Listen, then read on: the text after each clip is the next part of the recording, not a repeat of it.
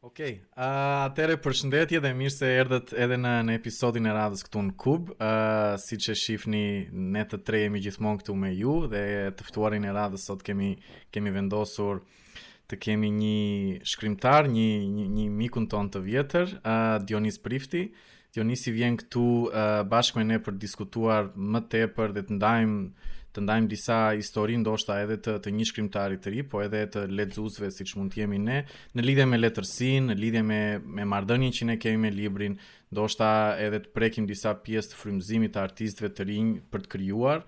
Dhe uh, kemi menduar që këtë episod si gjithmonë me me Tadin dhe Metin ta startojmë ashtu si gjithmonë plot plot energji dhe të prekim ashtu siç edhe i thashë pak më herët disa pjesë që ne duam t'i diskutojmë dhe t'i ndajmë me ju në lidhje me letërsinë dhe me pasionin me që që ne kemi për librin apo pasionin për të shkruar. Ë megjithatë para se të startojmë me me Tadin dhe pjesën që ne kemi vendosur të ndajmë fillimisht me ju, një një një një pyetje dhe një hyrje ndoshta edhe nga nga i ftuari jonë i radhës nga Dionisi për të na treguar pak më tepër për veten e tij, kush është Dionisi dhe ë uh, cili është lidhja e tij me me librin. Po, më rrofshi çuna edhe njëherë për ftesën edhe urime për podcastin. Faleminderit. Së të urime për emisionin. Faleminderit. Uh, unë jam Dionisi. Gëzuar, gëzuar. gëzuar. Ja të pimë çik, në Kub. Unë s'kam nga gota juaj, mendoj se do ma dërgoni. Do ta sjellim, ja. Pa merak. Po e pi me transparente, deri atëherë. Uh, kam lindur në Fier para gati 28 vitesh. Gati, se nuk jam bërë akoma. ë uh, kam bërë një pjesë të shkollës atje 9 vjeçare, domethënë dhe pastaj kolegjin e kam bërë me, në një kolegj në Tiranë që ju besoj e njihni shumë mirë. Po. Kemi qenë atje bashkë. Kemi patur rastin. Kemi pasur rastin e mirë ose të keqe ndërsa. Fatmirësisht. Po. E theksojmë. Po. Pastaj kam mbaruar uh, uh, informatikën ekonomike në Tiranë, te Fakulteti Ekonomik. dhe një master më pas aty. Dhe punoj si programues prej 7 vitesh tani. Kam punuar në kompani të ndryshme, edhe pak online, remotely, freelancer. Për momentin kam rreth 5 vite që punoj në Lufthansa, një kompani që është hapur në Shqipëri dhe është pjesë e Lufthansa Grupit, si zhvillues në Java, por jo vetëm, kam edhe përgjegjësi të tjera. Deri tani po shkon mirë kjo karriera, por kam edhe këtë pasionin e vogël të të shkruarit, për të cilin jemi mbledhur sot. Po. Ëh. Për këtë do flasim besoj të gjithë këto orët në vijim. Po mund të them që kam nisur ndoshta para 10 vitesh, edhe më ngacmuan ca tregime të shkurtra që lexova në atë kohë. Dhe që atëherë e praktikoj ose përpiqem ta praktikoj uh, shpesh këtë pothuajse çdo çdo javë dhe më në fund bëra bashkë ca tregime të shkurtra edhe kam bërë këtë librin që do flasim sot. Mm -hmm. Kaq që mos zgjatem, mund të vazhdojnë. ok. Do flasim, do flasim dhe për barë sa aran. Po, para se të shkojmë atje, unë po mendoja të flisnim pak për një nga artistët më të njohur të historisë tonë, të historisë së Shqipërisë.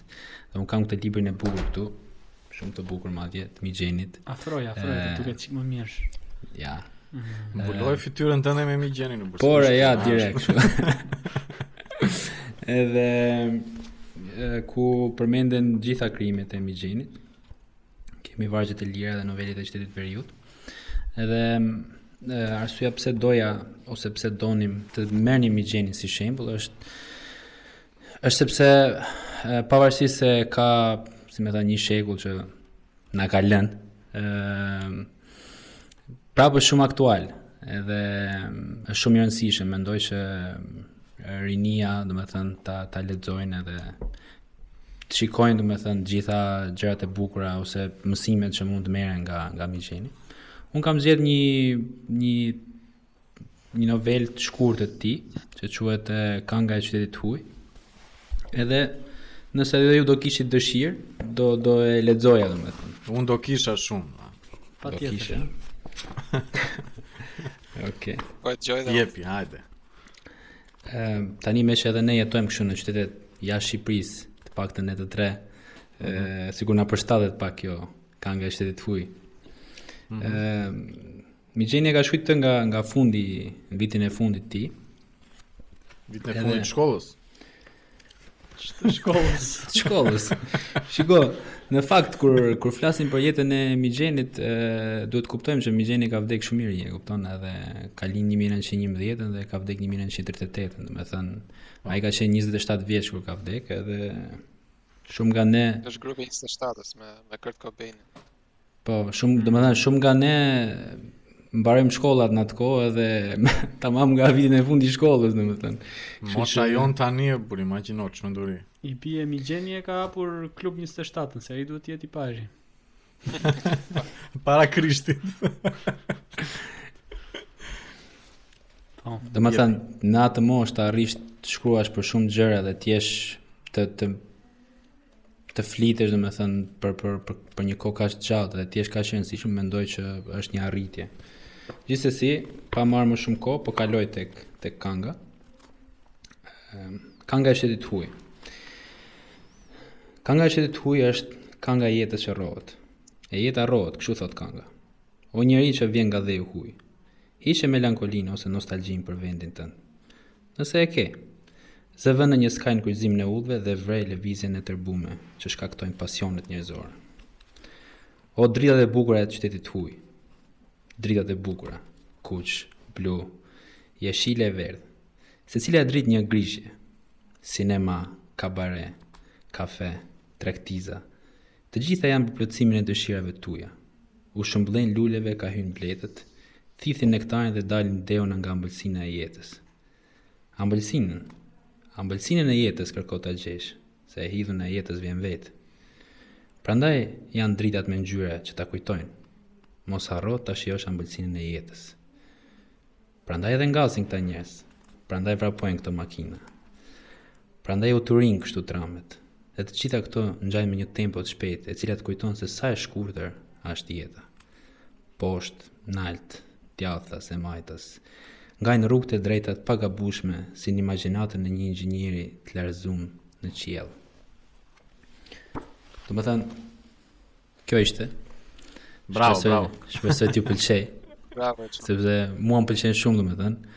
Ka dhe një shprehje shumë të bukur, që thotë që ne amëlsinën e jetës duhet, duhet ta kërkojmë, se hidhuna e jetës vjen vetë, edhe ne shpeshherë, domethënë, shpeshherë harrojmë ta kërkojmë këtë, edhe Prandaj domethënë kisha dëshirë të lexoja këtë, këtë pjesë.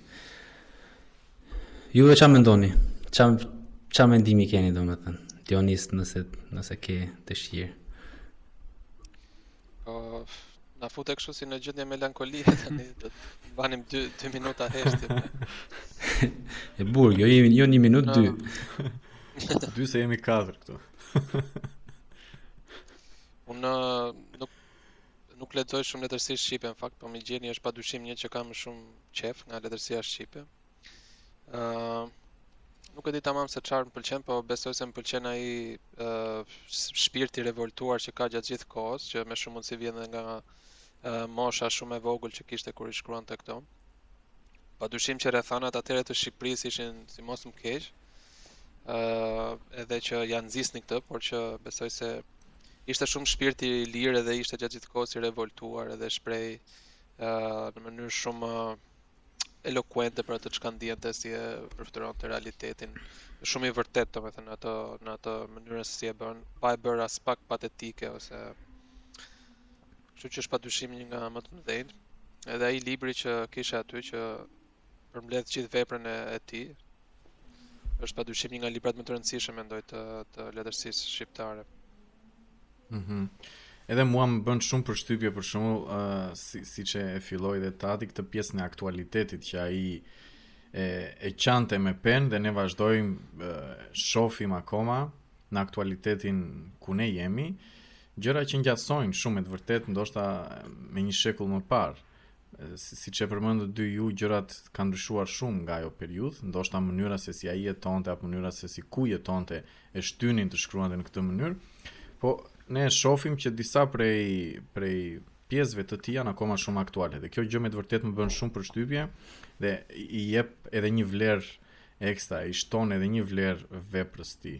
Uh, një gjë që më pëlqeu te, te kjo pjesë e shkurtër, ishte edhe mënyra se si ai i, i drejtohet qytetit të huaj, që ndoshta është edhe qytet qyteti jot, domethënë, jo detyrimisht qytet i huaj per se, po është qytet që ti vjen nga aty, po duke qenë se ti largohesh, të duket qytet i huaj me kalimin e kohës.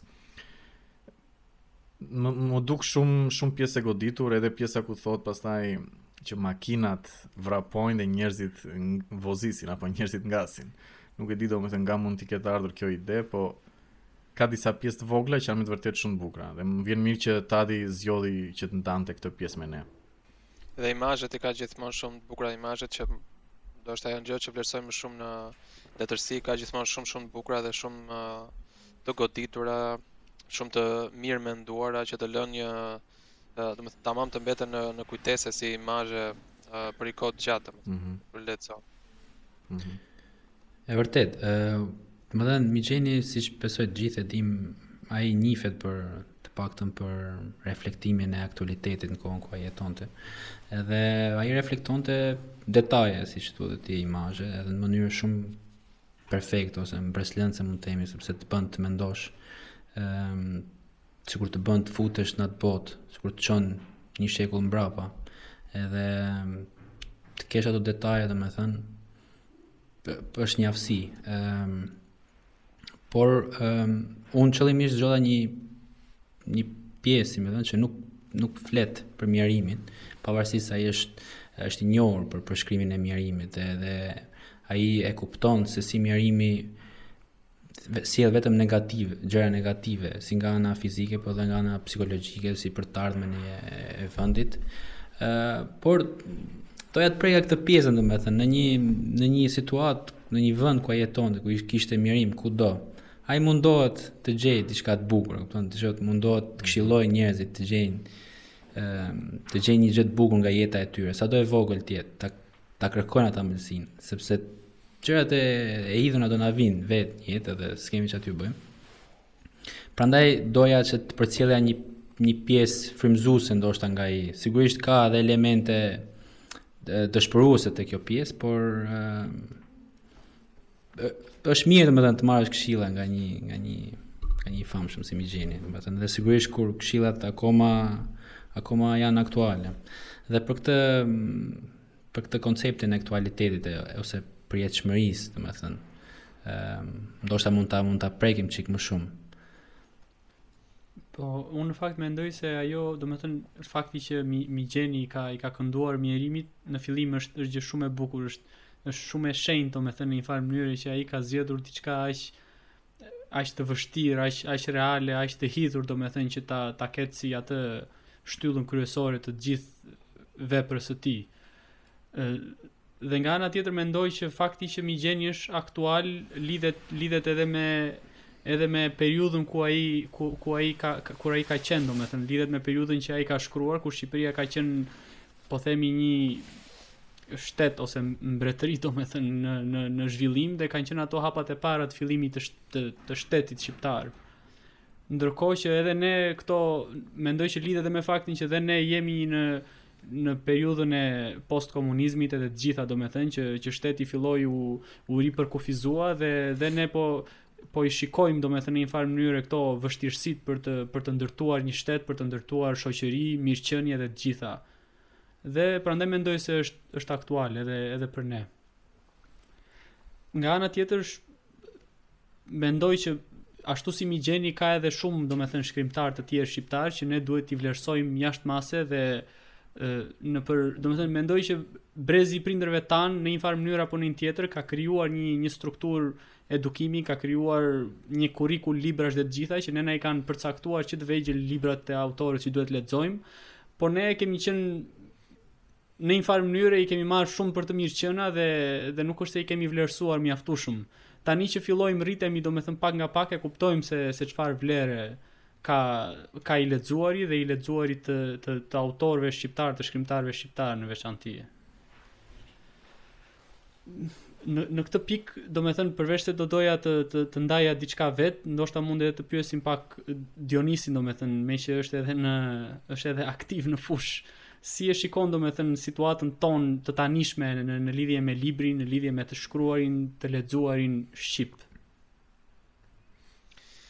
Uh, po kohët e fundit që më është dashur të jem në kontakt me letërsinë shqiptare, uh, them më është dashur sepse siç e përmenda, ë uh, ndoshta edhe për arsyen që ti përmende që i kemi neglizhuar pak të autorët shqiptarë, mm -hmm. nuk kisha qenë shumë në koherencë me letërsinë shqipe, por kohët e fundit ë uh, ë uh, jam përpjekur të gjej sa më shumë, uh, le të themi, uh, shkrimtarë të mirë, të rinj ose të periudhës së shkuar.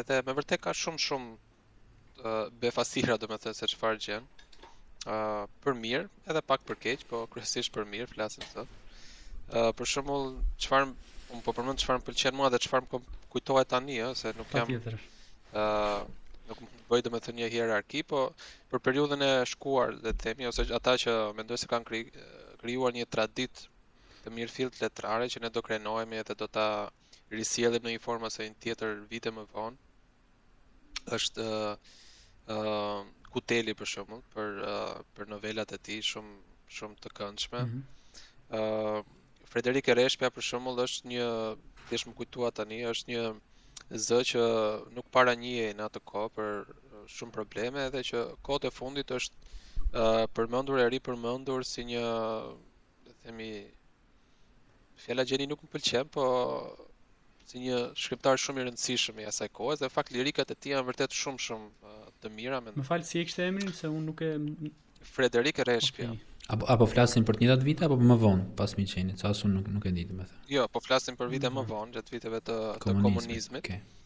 Po ka bërë vetëm një roman me sa di, Kasollja e heshtur a diçka të tillë e kam aty. Uh, por më i famshëm është për lirikat e tij. Po. Ëh. Uh, pastaj shkrimtarë të, të tjerë të mirë, sigurisht nuk mund të lëmë pa përmendur Kadaren që po. ka ka vënë shumë uh, gur kilometrik, si me thënë, në, në mënyrën se si duhet të ishte romani modern shqiptar.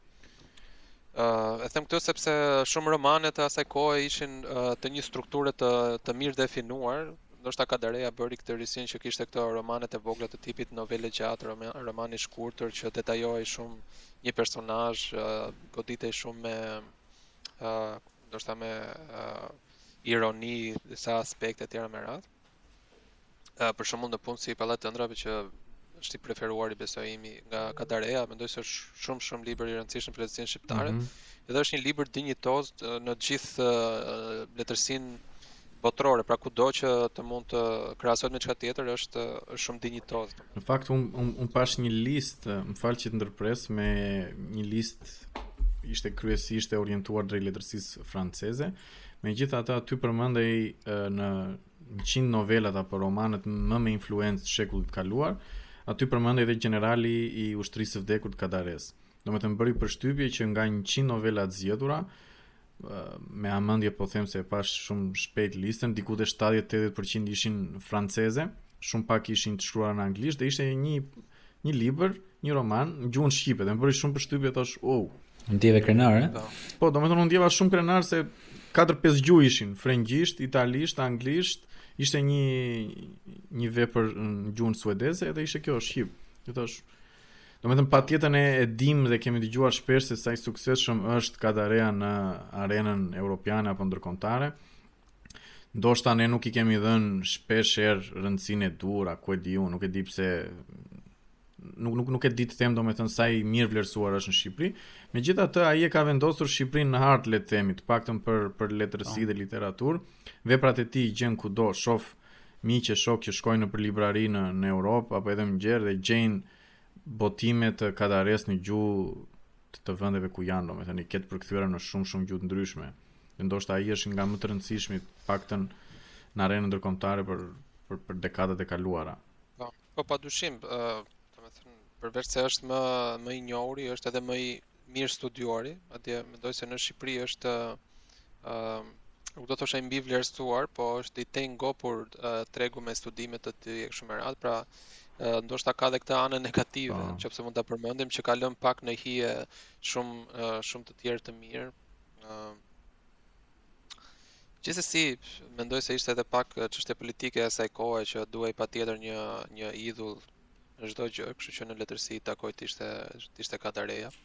Po gjithsesi ka vlera të të pa të pamohueshme siç Përmenda për shembull Nëpunësin e Pallatit të Ëndrrave, Gjenerali gjithashtu, mm -hmm. uh, Ura me tri harqe, kështjella, domethënë po. janë vepra që uh, po presim prej shumë kohësh që të të të ripërsëriten po aq vepra të mira edhe s'po marrim ndoshta aq shumë.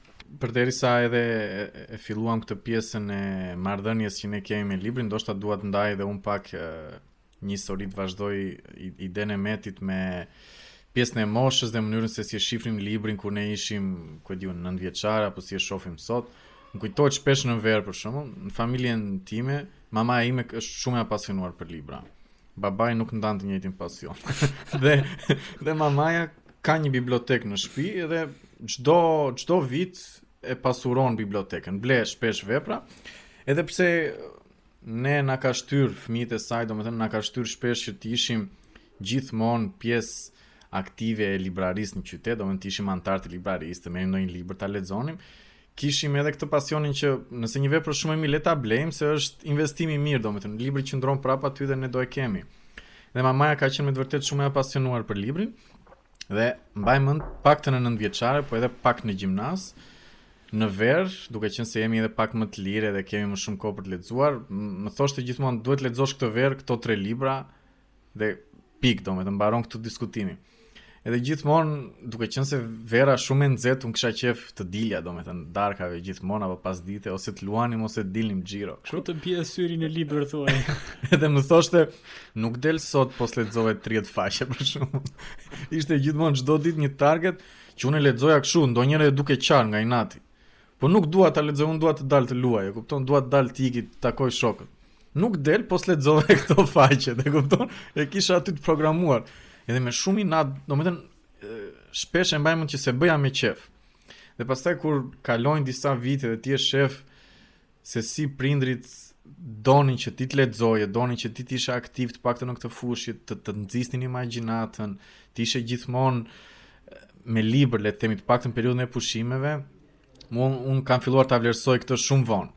Do me thënë, është shumë e drejtë që me kalimin e kohës e shef shumë ndryshe dhe i jep me të vërtetë meritat që libri ka, Po të vjen edhe pak keq. Të ra libri nga lart. Steve Gerrard. S'ka pa që ndërpre. Uh, dhe do me thënë e vlerësoj shumë sot, jam shumë i kënaqur që mamaja me të vërtetë më ka shtyrë të lexoj, po ka qenë një marrëdhënie shumë e vështirë për të krijuar për një fëmijë. Do me thënë nuk e di si mund ta motivosh një fëmijë sot që ndoshta është edhe pak më e vështirë duke pasur parasysh sa e rëndësishme është bërë teknologjia, si si ta motivosh një fëmijë të lexoj. Do me thënë, jo ta teprojmë dhe të themi do lexosh një libër çdo muaj, po të paktën ato tre muajt e verës t'i lexosh tre libra. Nuk e di çfarë eksperiencë keni ju për shembull me marrëdhënien si fëmijë. Ra vetë ajo. Unë um, unë mund të them që këto uh, muajt e verës që ti përmende i kam pas shumë të ngjashëm. Edhe i kujtoj gjithmonë me shumë uh, Uh, nostalgji po e po, po më bën shumë përshtypje sa shumë kohë kishim atëherë për të lexuar. Edhe sa shumë pak kohë kemi tani për të lexuar ose për të bërë çdo gjë që na pëlqen. Edhe është është e çuditshme domethënë si lexonim 3 muaj rresht, e kupton? Se nuk me thënë drejtën nuk kishim dhe shumë ça të bënim, domethënë po. siç kanë fëmijët e sotëm. Ëh, uh, Ishte edhe shumë vapë atëherë sot sikur sikur e kalojmë çik vapën atëherë mbaj mend që ishte shumë vapë dhe s'kishte ça të bëje thjesht do rrije në shtëpi. Kishim kondicioner atëherë. Po, s'kishte kondicioner.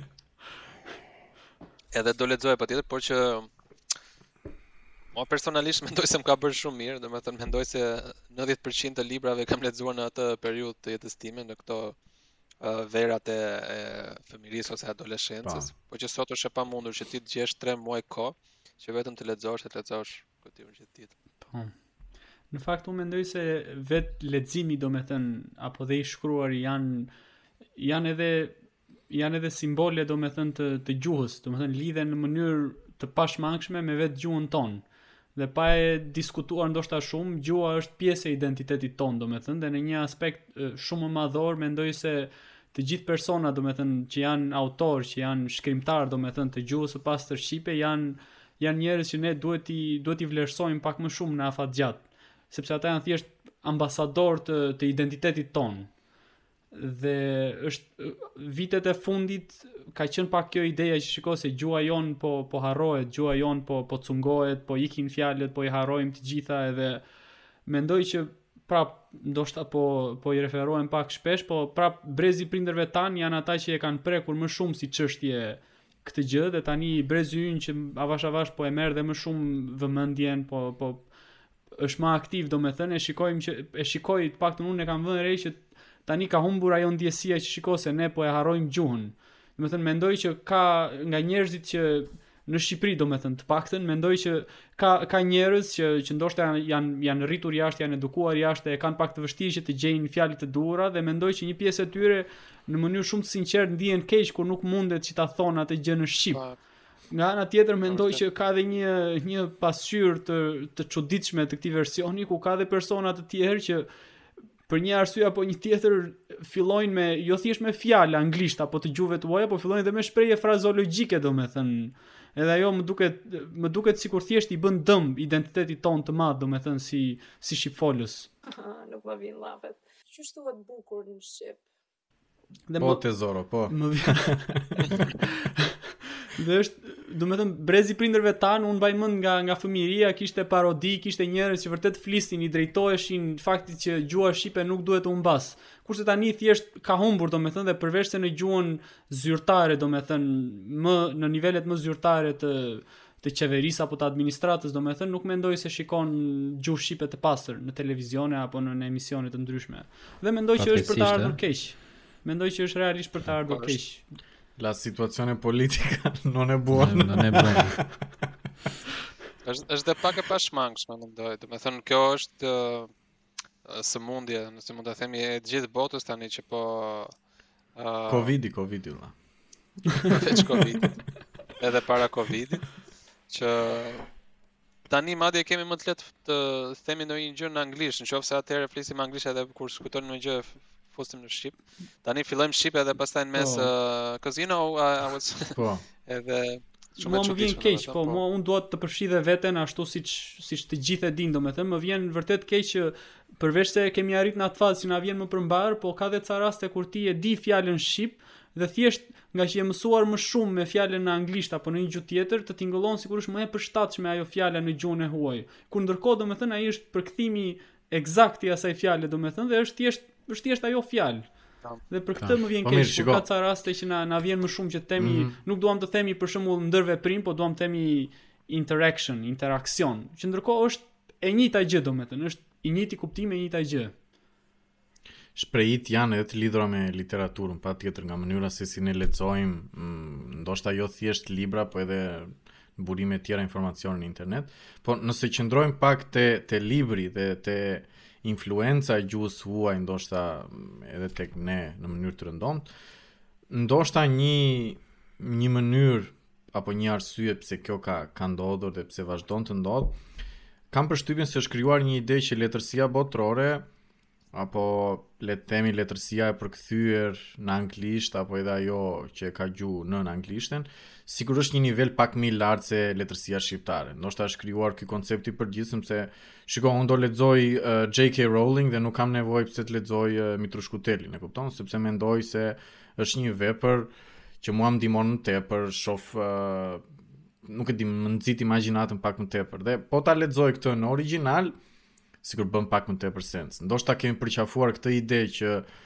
letërsia botërore si çdo gjë tjetër kur e krahasojmë me Shqipërinë uh, është pak më mirë. E kupton? Dhe ndoshta nga kjo ka ardhur ideja që është ulur pak ai vrulli që ne ndoshta kemi pasur fillimisht për të lexuar shqip edhe po përqafojmë literaturën e huaj. Uh, Nuk e di, unë ndoshta kështu, kështu e shoh. Kjo është një Unë do të ndërpres pak këtu, sem, po. sepse ë mendoj që në shumicën e rasteve nuk është tek literatura aq e mirë studiuar e jashtme që ne po bëjmë si shoqëri, e kupton? Mm -hmm. Më shumë më shumë shprehje janë shprehje common, domethënë you wanna be cool, si me thënë. You wanna act cool, dhe ky është problemi. Po thua je shqipore. Po po pra un po e them qëllimisht anglisht, e kupton që po, është këto, është më fal, nuk e shoh se kjo ka lidhje me mënyrën pse lexojmë anglisht apo shqip. Sepse dua prap ta shoh te libri, nuk dua ta shoh pse përqafojmë këto shprehje të huaja. Pse lexon anglisht dhe jo shqip? Jam, jam shumë dakord, të lexosh sepse Harry kemi Harry Potterin pse lexon anglisht dhe jo shqip? Patjetër, ke më shumë resurse në anglisht dhe ke po. shumë më shumë autorë dhe ke larmishmëri, çdo gjë ekziston. Ëm po. në anglisht. Dhe patjetër që duhet të lexosh në anglisht, por nuk është se ti s'i mendon në shqip, e kupton? Nuk është se s'mund të flasësh në shqip. Ne në shpesh rast, në shumicën e rasteve ne zgjedhim t'i t'i t'i flasim në anglisht sepse të dukemi më mirë. Edhe mendoj që është një problem, sidomos kur sidomos kur e shef këtë në në njerëz që ftohen në emisione televizive që supozohet të jenë ajka e Shqipërisë. Dhe kur ata flasin, domethënë në gjuhë të huaj, Domethënë, ok, ne jemi një brez që e, e dimë, si me thënë, shumica e din anglishten, e kuptojmë pak italishten, ku diun ca gjuhë. Po të imagjinojmë brezin e prindërve tanë, domethënë, shumica e atij brezi nuk e din anglishten. Kur dëgjon një analist në emisione televizive duke thënë një shprehje totalisht anglisht, Ai s'kupton asgjë gjë, domethënë. Dhe unë mendoj që nga njëra anë kjo bëhet dhe qëllimisht. Bëhet qëllimisht për të ndarë, për t'u dukur më më më i zgjuar, më i ditur dhe për qëllimisht për të mos u kuptuar nga nga shumica e shoqërisë. Mendoj se literatura akademike është ajo që e çon gjuhën para, e mban në atë nivel ku është, edhe nuk e lë të themi të zvarritet siç po zvarritet shqipja sot. Patjetër, sepse italishta, frëngjishta, gjermanishta sidomos kanë një botë akademike shumë shumë të fuqishme dhe është shumë ë uh, e lehtë për një francez, një italian, një gjerman që t'i vritet veshi për mirë me me një të folur shumë të standardizuar e me radhë të gjermanishtes, frëngjishtes apo të gjuhës së tyre. Edhe dominimi i anglishtes në rang botëror prej akademisë ka ardhur, domethënë të gjithë universitetet që janë top, domethënë janë më të mirët në botë, thjesht sepse janë aty ku janë për mënyrën se si bëjnë punë kërkimore dhe mënyra se si ata publikojnë dhe mënyra se si tërheqin nxënësit më të mirë nga gjithë bota, e ka rritur këtë dominim të gjuhës angleze, sepse publikimet shkencore janë anglisht, me kalimin e kohës të thjeshtohen, sepse ata kanë krijuar atë standard pune, dhe e njëjta gjë edhe në Europë me shtetet që janë pak më të zhvilluara se pjesa tjetër, siç e përmendët ju. Në Shqipëri ndoshta është problemi i koshiencës, sa koshient je ti me këtë anglishte që ti po përdor. Domethënë ku ku po shkojmë me këtë?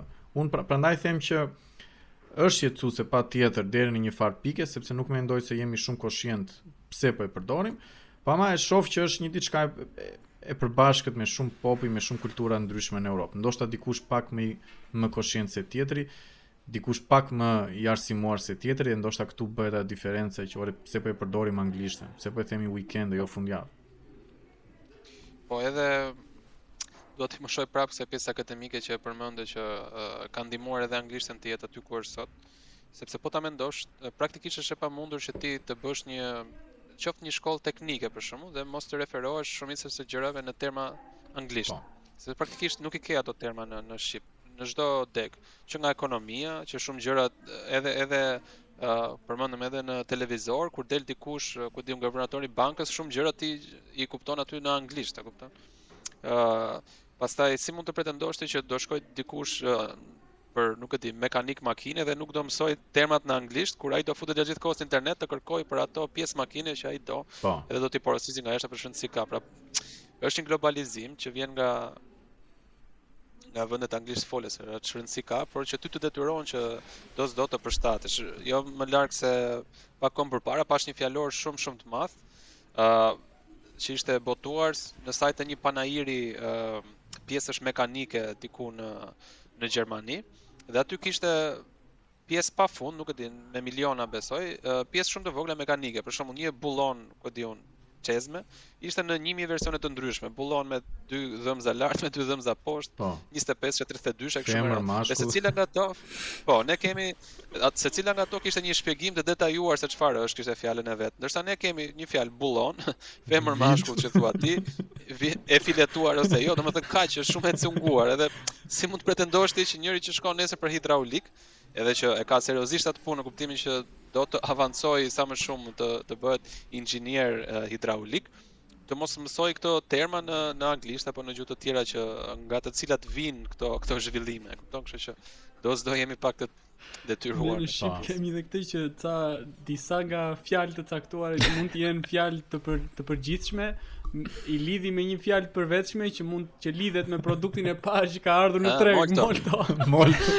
qumësht panda pa po, qumësht panda Elka. Po, orbiti, orbiti është diversifikuar tani, po. Orbit. Ka qenë dhe orbit. Ma jep një orbit. S'kam. Po ti sa e kishe? Po Airwaves. një gjë që më ka bërë. Ajo kjo reklama që pa dashur të bëj reklamë, mund ta po. presim këtë pjesë spot publicitar. Kjo reklama që bëhet Belino Belino, është kjo budalliku. Mendoj se e bëjnë që t'ia heqin mendjen njerëzve që jo çdo gjë, jo çdo croissant është molto. Ka një molto, çan molto do Belino apo apo se fundesh. Po s'të hiqet ajo molto nga mendja, ne ne jemi rrit, ne jemi injektuar me. Në një çupa çup si thua nga ata aty. Ça bën si ky xhipi, e? Po. Një që më ka bërë përshtypje. Ka qenë Michel. Shkojmë tani për të për për të për ta mbushur me benzinë një motor gomone, domethënë e thon mos harrini mos harroni të hidhni Michel.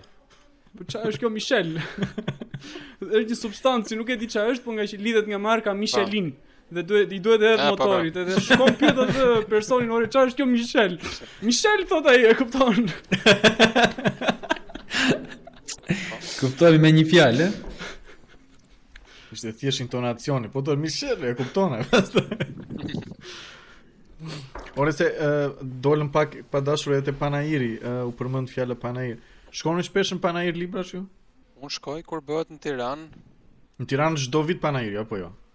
Po çdo vit, u bë vetëm një vit mungesë, më duket nga Covid. Uh, pandemia dhe u bë online. Mhm. Mm por bëhet çdo vit edhe çuditërisht ka shumë shumë shumë shumë njerëz, Domethënë, do doja të kishte aq shumë interes për librin çdo ditë, por për një javë.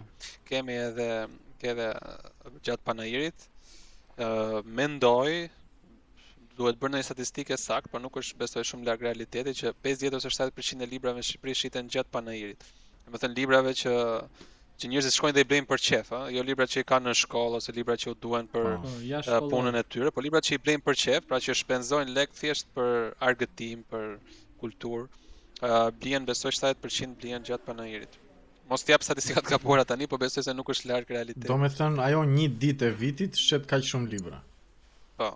Çmenduri. Le që ajo s'është po. një ditë në fakt, ajo zgjat gati një javë, sa është? Jo, është gati një javë, po. po. Diçka pak, po. është 5 ditë. Po. po me shumë mundësi po ta bësh dy javë, s'është se ka për të dyfishuar shitja e librave. jo, jo po ta bësh një muaj. Ai që e ka ndarë mendin, e kupton, do prishi 50000 lekë dhe kaq, e kupton, zgjatë sa duash. Po e theve atë dhjetëshen do iki. Ikën ajo. Thuaj pasi ta thyesh të blesh një librin, pastaj të pish kafe, se po e bëre ndryshe. Shkon në shpi pa libra. Aty te panairi e bukura është që një pjesë e mirë e shkrimtarëve janë vetë për të promovuar veprat dhe unë mendoj që dhe ajo është është kënaqësi më vete, domethënë Dionisi s'kishte si të mungonte te panairi i fundit se kishte kishte Bar Sahara, po. Po te po. i fundit po, po. Po, dhe ajo është kënaqësi, domethënë krijohet një ambient që nuk është vetëm për të shitur libra, po është edhe për të takuar një shkrimtar nëse ke qejf ose thjesht për ta dëgjuar se zakonisht bëhen pothuajse gjatë gjithë ditës në stenda të caktuara bëhen takime me shkrimtarët ose uh, diskutime të ndryshme midis shkrimtarësh edhe çdo i interesuar ose i apasionuar mund t'i dëgjojë, kështu që është një është një atmosferë shumë ndryshe, domethënë nuk e merr atë atmosferë kur shkon në një librari gjatë ditëve të mhm. tjera të vitit sigurisht. Patjetër, edhe për të qenë pak më mbrapa kuintave, domethënë të flasësh më më në më në hollësi me me shkrimtarin edhe. Mendoj që edhe kjo pa. Po. kjo që po përpiqemi ne të bëjmë sot lidhet disi me me atë ndjesi që kemi një kemi shkrimtarin e një vepre dhe duam ta pyesim pak më pak më në detaje, domethënë për për aspekte të ndryshme të asaj. Mirë se erdhën në panairin tonë. Po. Fiks sa do thoja, jemi në panair. Ë, meqenëse dashur pa dashur po kalojmë pak nga kjo kjo pjesa e marrëdhënies që ne kemi me librin edhe te shkrimtari te i ftuari jonë Dionisi. Doja të kalojmë pak dhe prekim pjesën e frymëzimit të të shkruarit. Domethënë, shpeshherë mendoja edhe duke duke na nxitur pak ai rrethi shoqëror, po ndoshta edhe ato provimet e maturës për shembull, kur kishim shumë vepra që i studionim edhe ishte gjithmonë pyetja ku është frymzuar autori për të gjetur këtë fjalë këtu, çka ka dashur të thojë autori me këtë. Po. Edhe më më bënte përshtypje. E kupton? Po pse do ta lodh mendjen tani çka ka dashur të thojë Migjeni me këtë pjesë. Dhe është është diçka me të vërtet shumë e thellë dhe me të vërtet mua më bën shumë sens sot që ti ta mendosh shumë thellë një vepër apo një tregim të shkurtër dhe mënyra se si këto fjalë kanë dalë, kanë buruar nga nga shkrimtari. Ndoshta për këtë pjesë duam të diskutojmë pak me ty Dionis. Si e gjen këtë lloj frymëzimi apo nuk e di Çka është diçka që ty me të vërtetë të shtyn që këtë pasion ti ta hedhësh në letër dhe ta ndash me me njerëz të tjerë. Domethënë, kam parasysh patjetër faktorë të brendshëm apo edhe të jashtëm që mund të kenë një impakt në mënyrën se si ti shkruan. Ndoshta mund na po. tregosh pak më tepër për këtë pjesë. Uh, ke shumë drejtë që në letërsi ishin gjithmonë këto dy pyetjet në fund që çfarë do thotë autori edhe çfarë ka pasur në mend autori, çfarë e ka inspiruar autorin. Ma ajo pyetje e parë që çfarë ka dashur të thotë nuk më pëlqen fakt. Edhe Ë uh, një vit Çdo të thuash me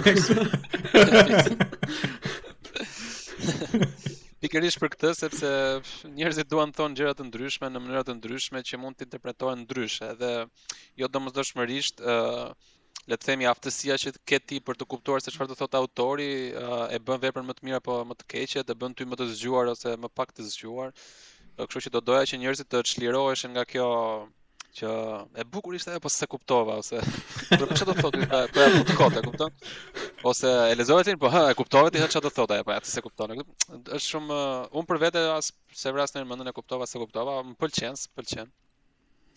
Po për të ardhur te frymëzimi, ë uh, mendoj se është shumë e vështirë ta definosh, po. nuk ka të bëjë me natët, netët me hën, nuk ka të bëjë me ë uh, perëndimin e po diellit. Perëndimin e diellit as të jesh afër plazhit ose afër pyllit apo ku di un. Besoj se për shumë ka të bëjë, po flas për vete gjithmonë. Ë, uh, por janë besoj aspekte të ndryshme të ë uh, se di, ndoshta pyetjeve që ti i bën vetes uh, gjatë uh, zhvillimit tënd si si njeri, si uh, si qënje që jeton në komunitet, që bashkëvepron me tjerët, që shumë gjëra të duken të çuditshme, të pashpjegueshme ose thjesht të nxisin imagjinatën si funksionon ndoshta një bashkëveprim njerëzor ose ë morali, çfarë është e mira, çfarë është e keqja, çfarë është dinjiteti për shembull. Uh, domethënë, janë shumë çështje që ty gjatë gjithë uh, kohës të ngacmojnë dhe dashur pa dashur mund të uh, mblidhen një moment të gjitha bashkë uh, dhe bashkë me ato influencat letrare që ke deri në atë moment arrijnë në një mënyrë shumë uh, shumë automatike mund të thosha që të gjitha këto sinergjojnë në një ku di unë në një krijim të mhm. tillë që siç është tregimi. Domethënë është bashkëveprimi me njerëzit e tjerë, bashkëveprimi që ke ti me botën, gjitha këto pyetjet metafizike që kemi, po. pse jam këtu, qysh jam këtu, pse po funksionoj, si po funksionoj, kur kam lindur, kur do vdes, pse jam këtu kështu me radhë. Kështu që besoj se janë një sërë sërë elementësh, të paktën mua këto më ngacmojnë, no? po besoj se ka shumë të tjerë që i ngacmon ku di unë, siç thashë, ndoshta elemente shumë të bukur të natyrës për shembull, besoj se i ngacmojnë shumë njerëz. Po. Po për ta bërë pak më, ndoshta edhe pak më specifike pyetjen, se të po, gjithë Prandaj do të okay, thosha, është po. shumë specifike dhe mund të flas s'ka jo, problem. Jo, patjetër, po në sensin tregim, në sensin por... pak më ndoshta aktiv, sepse mendoj që shumë njerëz kanë kanë këto lloje pyetjesh, kanë këtë lloj larmie të mendimeve dhe të gjitha, po nuk mendoj se dhe ndoshta edhe kanë dëshirën, po nuk mendoj se të gjithë marrin iniciativën, domethënë që thjesht të gjejnë një hapësirë, të kenë kohën e tyre, ndoshta me boshllëkun e tyre në mendje, domethënë dhe thjesht të ulen një fletë e bardhë dhe një penë, një laps në dorë dhe jepi shkruaj. Mendoj se ajo Domethënë të vendosesh në atë pozicion, domethënë, që është ai momenti i parë që ti merr iniciativën për të shkruar dhe të kalosh deri në atë fazën që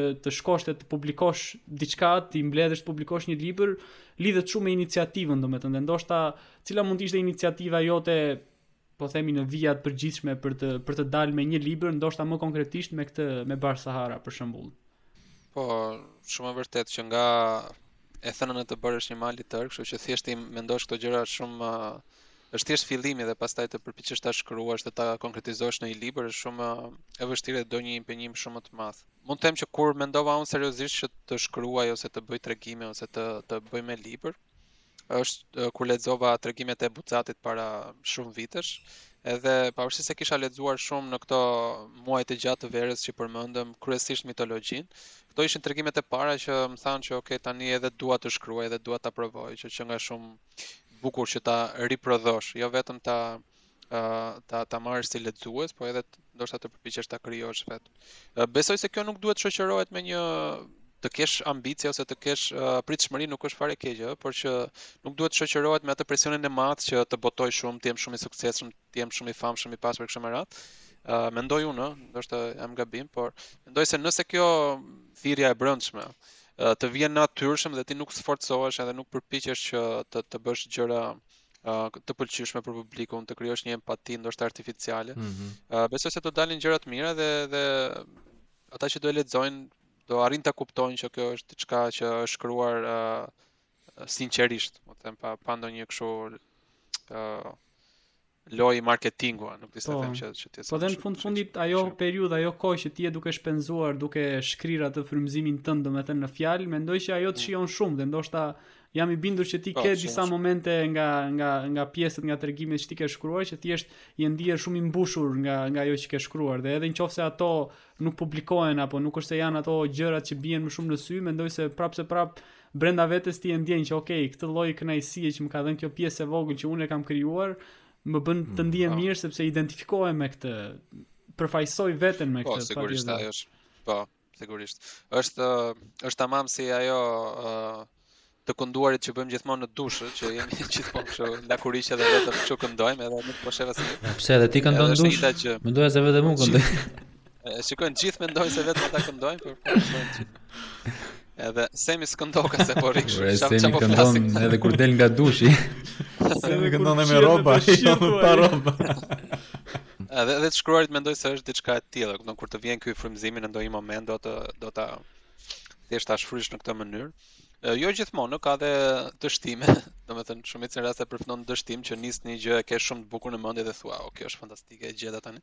Dhe kur fillon ta shkruash, të del shumë e shpifur ose nuk di ta thuash, nuk di ta përshkruash, nuk di ta Sigur Meqë të ndrohesh, lidhet zëri po. me figurën. Po.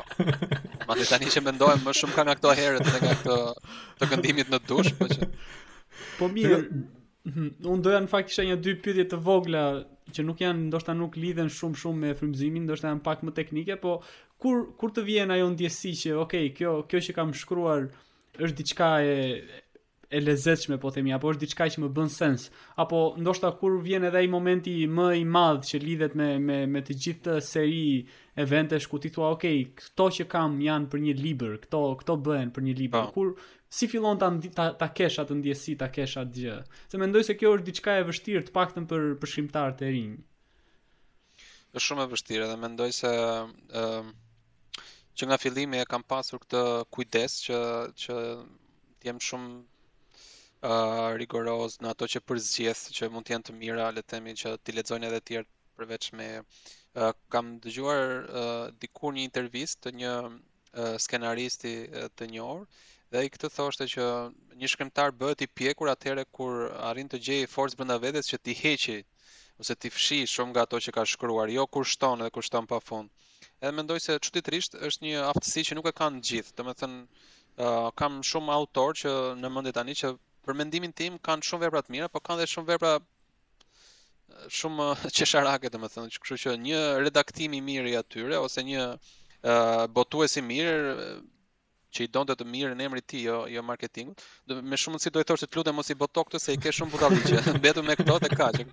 Kështu shumë çuditërisht, nuk e di pse, mendoj se ca shkrimtarë shumë të mirë nuk e kanë këtë aftësinë ose nuk e vrasin shumë mendjen ose thjesht nuk u, në momentin që e mbarojnë thonë ok, thjesht të dalin, nuk po e vras mendjen kështu me radhë. Pastaj ka disa të tjerë që janë më rigorozë edhe ë uh, nxjerrin shumë pak. Unë siç thashë, përpiqem të jem sa më shumë rigoroz, domethënë qoftë se në këtë tregim kam diku te 20 e pak tregime, ndoshta kisha edhe 20 të tjera që i konsideroja dhe në fund nuk i futa dhe mendoj se kam bërë mirë që nuk i futa sepse vërtet njerëzit nuk kanë nevojë të lexojnë të gjitha, kupton, sepse uh, shumica dalin budallallëqe. Unë doja doja ta cekja pak të domethënë se me ça po përshkruan ti, po përshkruan një person që është kritik ndaj vetes fillimisht, pastaj të marrë kritika nga të tjerët. Kjo sigurisht është një një aftësi shumë e mirë, kupton, edhe Ah, ja dhe shumë. Deri njëfarë pike se pastaj të kthehet në bumerang. po mirë, okay, domethënë mund të ketë një, nëse ka një kontroll të mirë, domethënë mund të jetë aftësi e mirë le të themi. Por ehm, dhe kjo është e aplikueshme në çdo profesion, kupton, nuk është vetëm tek te një shkrimtar, mund të jetë çdo lloj profesioni ti duhet të jesh kritik ndaj vetes. Po shohim se shumë njerëz themi atë që nuk janë kritikë ndaj vetes, mendojmë se çdo gjë që ne bëjmë është e mirë. Fatkeqësisht është në natyrën njerëzore do thoja. Sa, domethënë, sa e rëndësishme është të jesh kritik ose si mund të jesh kritik ndaj vetes? Po, është shumë e vështirë, siç thashë, dhe ndoshta kjo është arsyeja që në rastet që përmenda shumë e kanë shumë të vështirë t'i heqin këto, sepse vësht, vërtet uh, i konsideron shumë të shtrenjta për ty, siç e the ti gati fëmijët e tu, sepse janë krijimet e tua. Uh, por uh, duhet të jesh gjakftohtë pastaj në mënyrën se si e trajton atë ose duhet të jesh uh, Se di gjakftohtë në marrëdhënien që ti do që ato të krijojnë me me publikun ose me të tjerët. Pra nuk është e thënë që ti t'i heqësh t'i zhdukësh, t'i vësh flakën siç bënte Kafka me çdo gjë ose ë uh, ti mund t'i mbash aty dhe t'i kesh t'i rishikosh herë pas here, ndoshta mund të jesh edhe më optimist se kaq, që përveç se je kritik ndaj vetes thua unë jam uh, i aftë, ndoshta edhe t'i ndryshoj këto, jo thjesht i hedh, kështu që edhe i rishikon herë pas here, por që po, është një proces shumë i vështirë, siç e the unë përpiqem jam shumë kritik ndaj vetes e kam si tipar të karakterit në çdo gjë që bëj, kështu që ndoshta më ndihmon pak kjo që që ta bëj këtë selektimin e e gjakftohtë, si mund. Po situata ku ke qenë shumë kritik ndaj një lloj tregimi ndaj diçkaje ndaj një lloj krijimi të vogël, po ke qenë aq kritik sa që në sytë e tu më shumë se sa në sytë të tjerëve dukej si diçka jo e bukur, ndërkohë që tek të tjerët vërtet ka lënë shije, ka ndodhur domethënë Po, sigurisht. Domethënë, nga këto tregimet që kam hequr, disa ishin shumë të pëlqyer, të paktën nga ata pak që e kishin lexuar dhe unë prapë i hoqa sepse nuk më pëlqenin mua, edhe sepse nuk di si ta formuloj në mënyrë më të këndshme të mundshme, po ndonjëherë mendoj që kur pëlqehet shumë nga shumë njerëz, nuk është dhe aq shumë e mirë, ose është shumë shumë e thjeshtë për t'u kuptuar ose Uh, s'e di, më, më shqetëson, domethënë disi kjo, kjo mënyra. Ti nuk bën kompromis me, me konceptin tënd të të qenit kritik. Nëse ti mendon se e kjo nuk, nuk vlen shumë, le të thonë këta bën, po. Le, po, po, sidoqoftë, në qoftë se një, një ide apo një krijim është, është, është mjet frymzimi për të tjerët, sido që të jetë mendoj që edhe një lloj shansi duhet të gjesh mundësinë t'ia japësh. Dhe këtë e them se ndoshta s'ka po. shumë lidhje, po në në fizikë për shembull ka ka shkencëtarë që edhe pse nuk kanë qenë fare dakord me ca ide apo parime që kanë hedhur në në mekanikën kuantike, ë nuk kanë qenë fare të lumtur dhe thjesht kanë përfunduar me me Nobel Prize, me çmim Nobel domethënë. Edhe ata kanë vazhduar të vdesin domethënë të palumtur me atë gjë që kanë hedhur, por po. ajo ka qenë burim frymëzimi për një për një Ekip shumë më të madh njerëzish, domethënë që e kanë zhvilluar atë gjë deri në në ditët ku jemi. Ndoshta kjo është pak larg ndaj, domethënë ndoshta kjo tingëllon si gjë shumë e veçantë, po, po. mendoj që të paktën disa krijimeve nuk është keq që t'jua u japësh, të gjesh mënyrën t'ua japësh një lloj mundësie që jepi një shans. E, ata njerëzit që e pëlqejnë të paktën ata të kenë mundësi t'i shpërndajnë. Ore, ata që fitojnë Nobelin janë pak të çmendur, la, ata normale që do, nuk do kuptohen shumë thjesht. Po Kafka, po thonë se të gjitha veprat i ka djegur, edhe ato në fund janë, themi, të gjetura në copa-copa nga shoku i tij. Kështu që Shyqyr që ishte ai domethënë që na i shpëtoi që na i, i botoi tani më vonë. Mirë që u fik pak zjarri, nuk, nuk mbajti.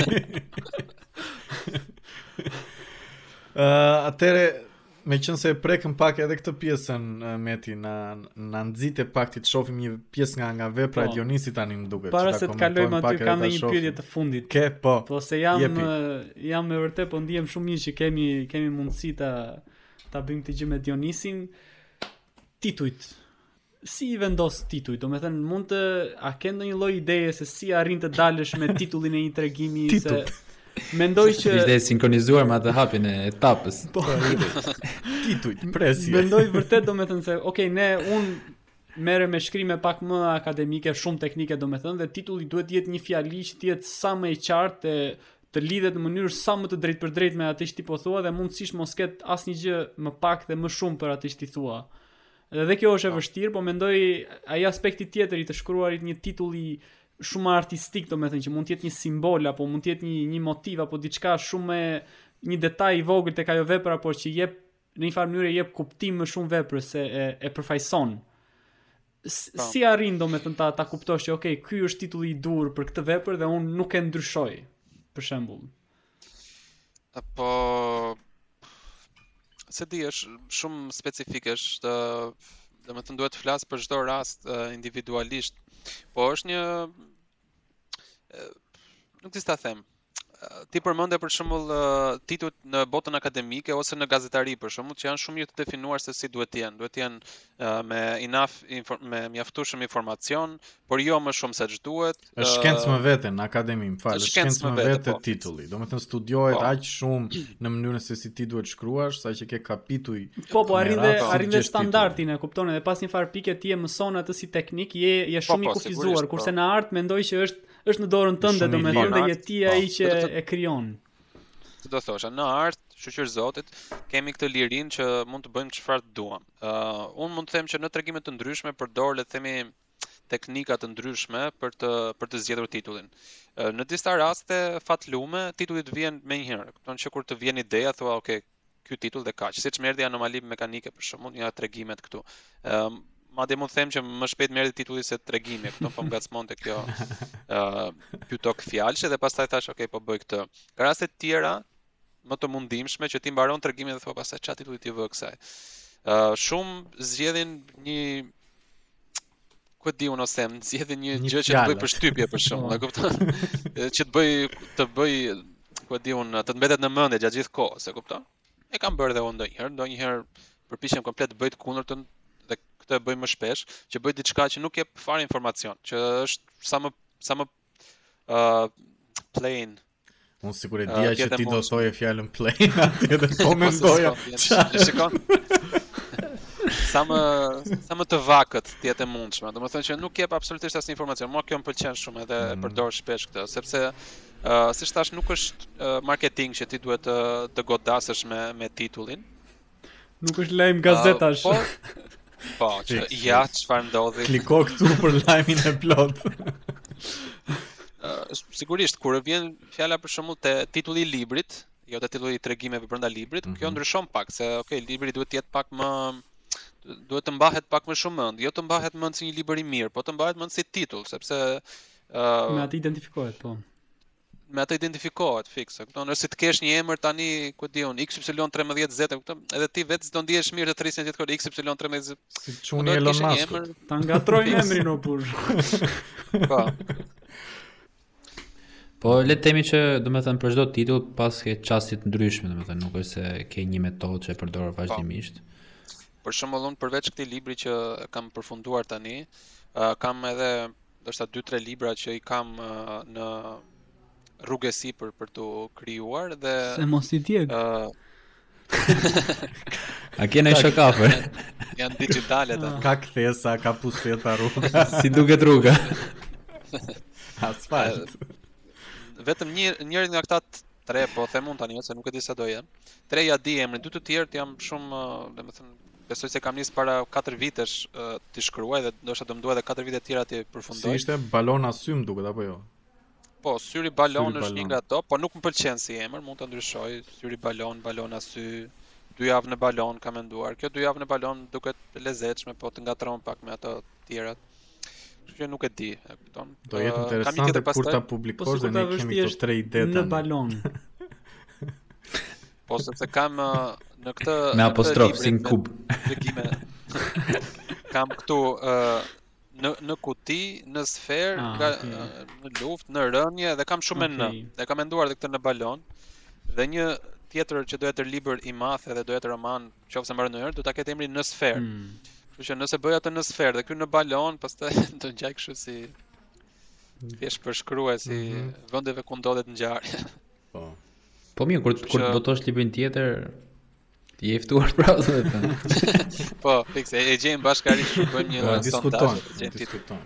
Shkruaj në koment libri i Dionisit. Atëherë ne folëm e prekëm librin, do ta hapim librin. Libri, ta hapim apo Shkrepe jo? se s'po durojmë do të vijë momenti që të flasim çik çka ka dash të thojë autori me autorin këtu mes nesh. T'ia bëjmë edhe pyetjen se s'na hiqet nga mendja. Ne s'po durojmë dot. Edhe pse ne jemi qartazi pa skenar, autori dashur pa dashur e preku atë anomalinë mekanike. E nxori. Ça rastësie? Spoiler pak. E nxori kokën thua. E nxori kokën nga kofa no. Ça koke? Lexoj unë pra këtë tregimin mm. anomali mekanike, ky Nga ata që e lexojnë zakonisht i thonë tregimi me gomar. Edhe make sense, bën bën kuptim domethënë pasi e kemi lexuar. Po, po vazhdojmë. Po lexoj që mos të zgjat. Po. Yep. Më falni. Mund të bëjmë një pauzë të vogël 1 minutë. Po. Okej. Okay. Nuk vonoj, ëh. Okej, okay, meqë e përmendëm, ky është libri Me ça fjale, Barsa Ra e ka emrin. Ka dhe një po, pra, dizajn shumë, shumë, shumë po... Eh, minimaliste. Dhe... Tadi mund të na bëjë një koment duke qenë pak arkitekt, eh, po, teknik, është, eh, detajist. është intrigues, domethënë, si dizajn, është, domethënë, të bën të mendosh, të bën të, të, të mundohesh ta kuptosh, ça, ça do të thotë autori me këtë. Dhe... Mm. Mendoj që Dionisi ty të është marrë, nuk e di, po ndosh besoj se të është marrë çik kohë të vendosësh, domethënë për këtë dizajnin e kopertinës, sepse duket se është diçka e po. menduar, duket se është diçka që ti do t'i bësh njerëzit të mendojnë të hyjnë drejt po, asaj bote, domethënë. U morëm goxha në fakt, mua kopertinat e librave më pëlqejnë shumë, do më duket si art me vete. Edhe u përpoqja T'i kushtoja rëndësinë e duhur. Falenderoj Elsën. Elsa Paja është një piktore shumë e lezetshme bashkë me motrat e saj bën gjëra shumë interesante. Dhe Semela që më ndihmoi për kopertinën. Është një ndërthurje e shumë shumë ideve që kishim me dunën, akuariumin, ë peshkun, qiellin, diellin, ë ka shumë gjëra. Mm. Por okay. pa humbur kohë, ta hapim te tregimet që janë gjithsej 23 tregime. Mm -hmm. Po lexojmë një tregim që quhet anomali mekanike. Jepi, më gati se kurrë që ta dëgjojmë nga nga goja e vetë autorit të librit. Ta shijojmë pak. Në horizont mullinj mullinj ere gjigantë. Vapë, Helikat e tyre të bardha më dërgojnë copëza dielli të bezdisshme ndër sy e pasqyra. Makina ecën pa zhurmë. Hap dritaren të pi një cigare. Punën e lashë shpejt. Po shkoj në fshat. Një i afërm ka vdekur. E bukur e premtja. Edhe në atë fabrikë të vjetër mekanike e bukur duket. Fundjava është premtuese, larg hekurave. Keq rezervat e hekurit, keq resurset natyrore. Teknologji të avancuara që gjurmojnë disa kilometra nën tokë. Punë dreqi. E pashë si më shihte sot. Diçka donte të më thoshte. Do më shkurtojnë. Mungesë motivimi. Kujdes me atë spatë, Eugjen. Spatë çeliku. Ca hekurishte buzë rrugës. Varreza makinash? Nga ana tjetër asgjë, një copë shkëmbi i varfër. Do ketë burime aty, ujë apo hekur. Të dyja na duhen. Të paktën sediljet janë të buta, jo prej hekuri. Sustat brenda tyre janë prej hekuri. Sustat e groposura në errësirë dhe pluhur. Shumë qetësi. Vetëm një pëllitje gomari e mbytur. Gomar? S'paska asnjë gomar rreth e rrotull, asgjë të gjallë në fakt, përveç insekteve e krimave nën tokë sigurisht. Gërryerje e kafshime të padukshme, pa ndaluar. Ku është ky gomar? Hedh cigaren, mbyll xhamin. Dëgjohet ende pëllitja, madje më shumë. Ndaloj në çakllin anës rrugës së asfaltuar. Kitare e bateri, perkursione. Dhe një ulërimë kafshe. Do ta gjej nga vjen kjo pëllitje. Dal të shoh më mirë në fushën me shkurre të ulëta. Ndonjë gomar fshihet aty? Po ata sikur rrinë në këmbë. Zëri i tij bëhet më i zbehtë kur i largohem makinës. Fjalët s'i kuptohen. Atëherë duhet të jetë after, afër makinës, ose në makinë. Afrohem. Bagazhi? Bosh. Brenda? Bosh. S'ka asnjë gomar në makinë. Kofano? Që nga këtu. Çudi. Një kokë gomari e lidhur mes kabujve e hekurave. Dreq o punë, edhe kjo më duhej. Ç'do një kokë gomari që pëllet këtu. Nga qafa e prerë me gjak të mpiksur dalin vena e tela që lidhen me baterinë dhe motorin. I kontrolloj, nuk mund t'i heq. Makina duket sikur furnizohet nga koka e kësaj kafshe të gjorë. Sa të shkoj në fshat do gjej një mekanik e do ta heq kokën me vesh të gjatë nga kofanoja. Po si ta duroj gjithë rrugës? Ai më sheh në sy e pëllet. S'di ç'do të më thotë. Besoj thjesht ulëret si qenie që nuk mund të flasë. Britma që s'komunikojnë asgjë. Ç'më gjeti. S'e di ia kanë ngecur këtu këtë kokë të prerë apo kështu e kanë prodhuar makinën. Makina e kompanisë. S'e kisha vrarë mendjen të hapja kofanon më parë. Pak rëndësi ka, më mirë po vazhdoj rrugën. Të mbaroj punë me të vdekurin andej e të kthehem. Punë të hënën. Po pëllitjet e tij s'mund t'i duroj gjithë rrugës. Hap kruskotin. Një copë leckë për xhamat. E marr, e bëj shuk, ia ngjesh gomarit në fyt. Ai s'bën më pa zë. E godas lehtë në turirin akull të ftohtë, ta kuptojë dhe dëgjohet më tingulli i tij. Ai pëllet mbyturazi, si me vuajtje. Shumë pak dëgjohet tani. Ta mbyll kofanun, ta ngre muzikën s'do dëgjohet më fare. Hap derën të vazhdoj rrugën. Ca njerëz në fushën anash afrohen. Janë shumë. Mbajnë një arkivol në supe. indianë, me pendë gjethe e lëkura e ngjyra. Një këngë e çuditshme i shoqëron. Tymosin llulla të gjata, shtëllungat e tymit mbi kokat e tyre duket sikur ngrenë peshë arkivolin. Ç'ka në atë arkivol? Një tjetër indian? Prijësi? Ndonjë fëmijë i pafat? Apo kafshë? Ndoshta gomari? Vetëm trupi i tij me siguri. T'u them që kam unë kokën po të duan ta marrin? Jo, s'e di a do punojë me makina, pastaj është dhe e kompanisë. Ç'rëndësi ka fundja ç'ka në arkivol, çfarëdo që të jetë tashmë ka vdekur, larguar për gjithmonë mes krimbave e hekurave nën tokë. Ç'duan indianët këtej, s'kisha parë kurrë. Në fakt s'kam qenë që i vogël në këtë rrugë fshati, midis këtij shkëmbi në dukje të thatë e kësaj fushe me shkurre të buta e mullinj ere që të dërgojnë copësa dielli në sy. S'e dija që këtu mund të dëgjohej një kokë gomari në kofano duke pëllitur. S'e dija që këtu kishte indianë që varrosin me rituale të vjetra prijës, fëmijë, a kafshë pa kokë. Futem në makinë e vazhdoj eci. Jam vonë. Të shkoj në varrim e të kthehem. Të hënën punë.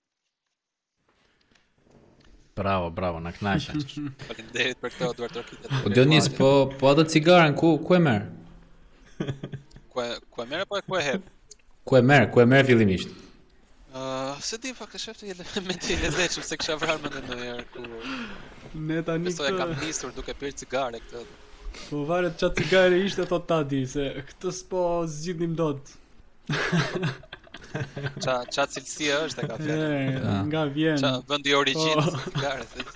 Me pullë apo pa pullë. Neve uh, të gjithëve besoj na ka na ka pëlqyer libri sepse kemi diskutuar uh, edhe një kompliment, Dionis. Uh, ne e kemi lexuar dhe një nga tregimet që mua më ka bërë shumë përshtypje ishte ky që ti lexove.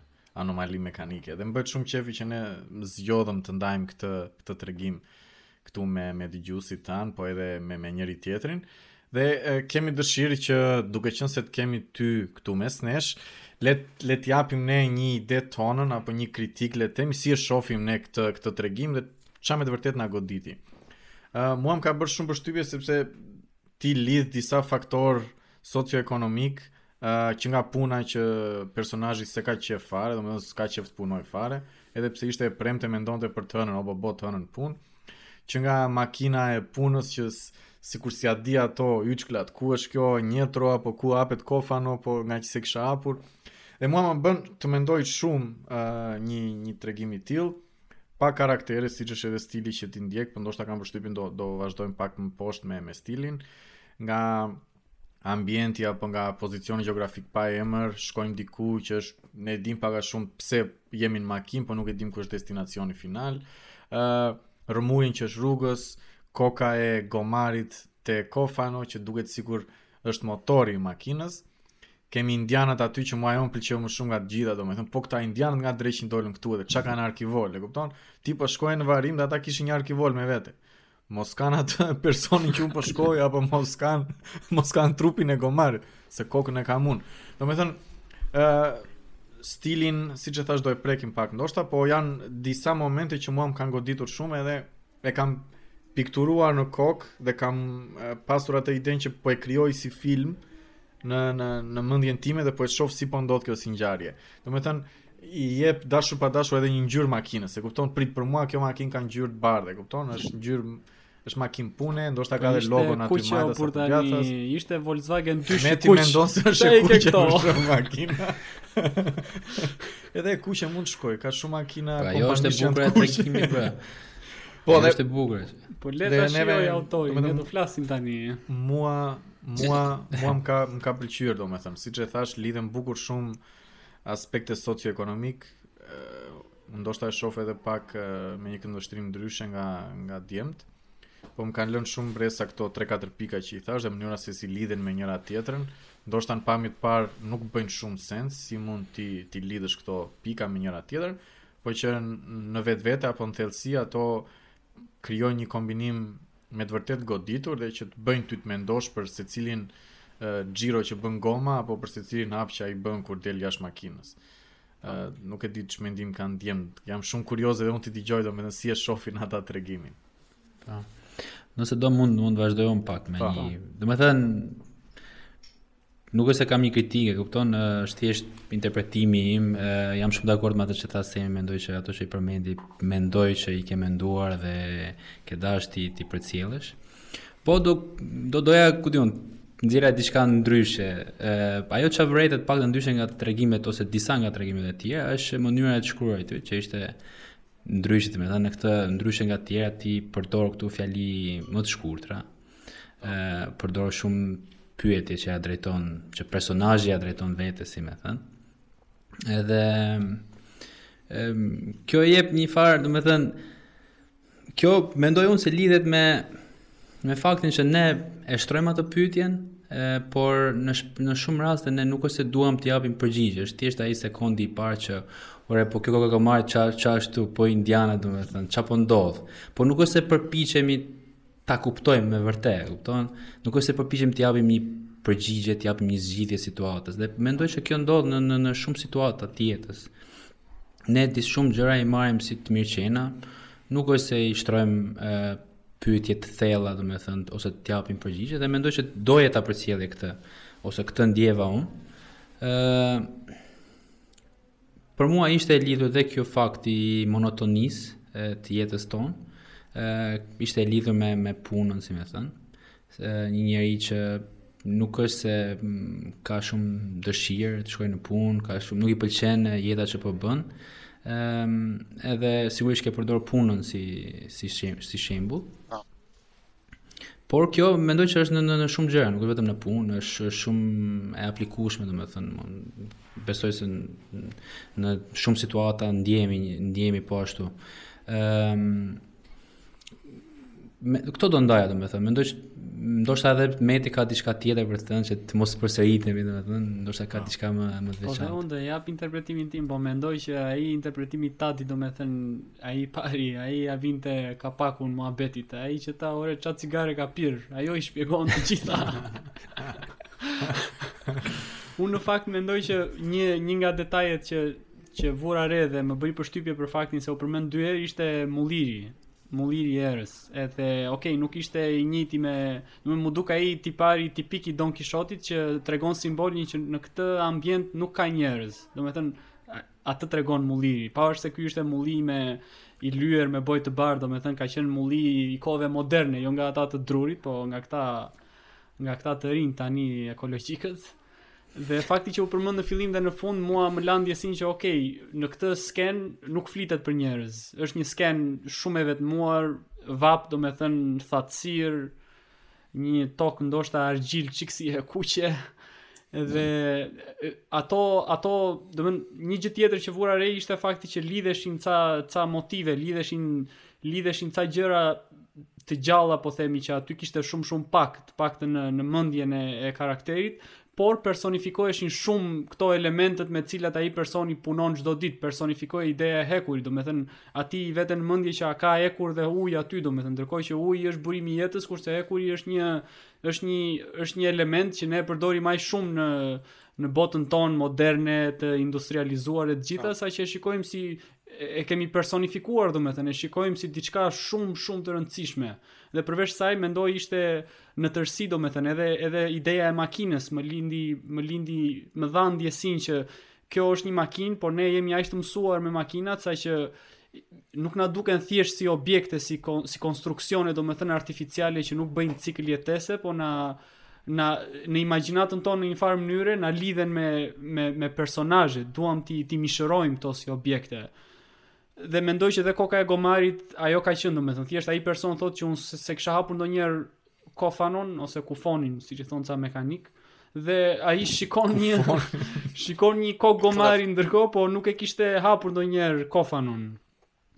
Edhe kështu, edhe mendoj që të paktën mua atë lloj ndjesie më la. Nga ana tjetër, ato fjalitë e shkurtra që i, i përmendën edhe, edhe djemtë pak më parë, më lënë atë ndjesinë që shiko se ne jemi vërtet shumë, shumë të shpërqendruar nga kjo botë. Domethënë, ka arritur sistemi ynë, i, mekanizmi ynë i të, i të menduarit, është shkurtuar aq shumë, ajo koha jonë që i dedikojmë diçkaje është aq e shkurtër, saqë vetëm këto fjali të shkurtra mund ta mund ta bëjnë të qartë dhe përveçse janë fjali të shkurtra janë dhe fjali që janë të palidhura me njëra-tjetrën me kontekstin përveçse me idenë që çfarë përfaqësojnë. Dhe kjo gjë më pëlqeu, po. Ka punë të hënën, do pushohem, e kupton ça ka aty, ka ujë, punë të hënën. Po indianët ça duan këtu.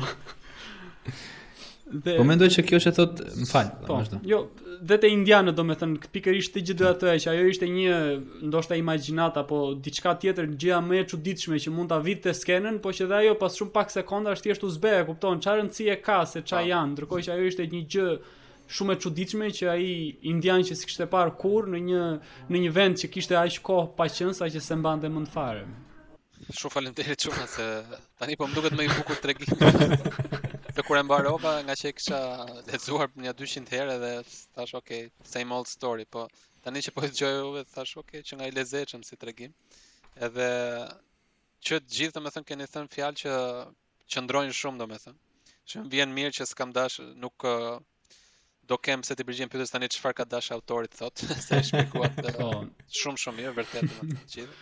Mua më pëlqeu përgjigja që the kur kur të pyetën pak më më përpara, domethënë që po thoje që shiko nuk është ai qëllimi i librit, domethënë nuk ka rëndësi të thuash që po ky e ka kuptuar, ky s'e ka kuptuar, ky e shpjegon no. mirë, ky ka të drejtë, ky ka gabim.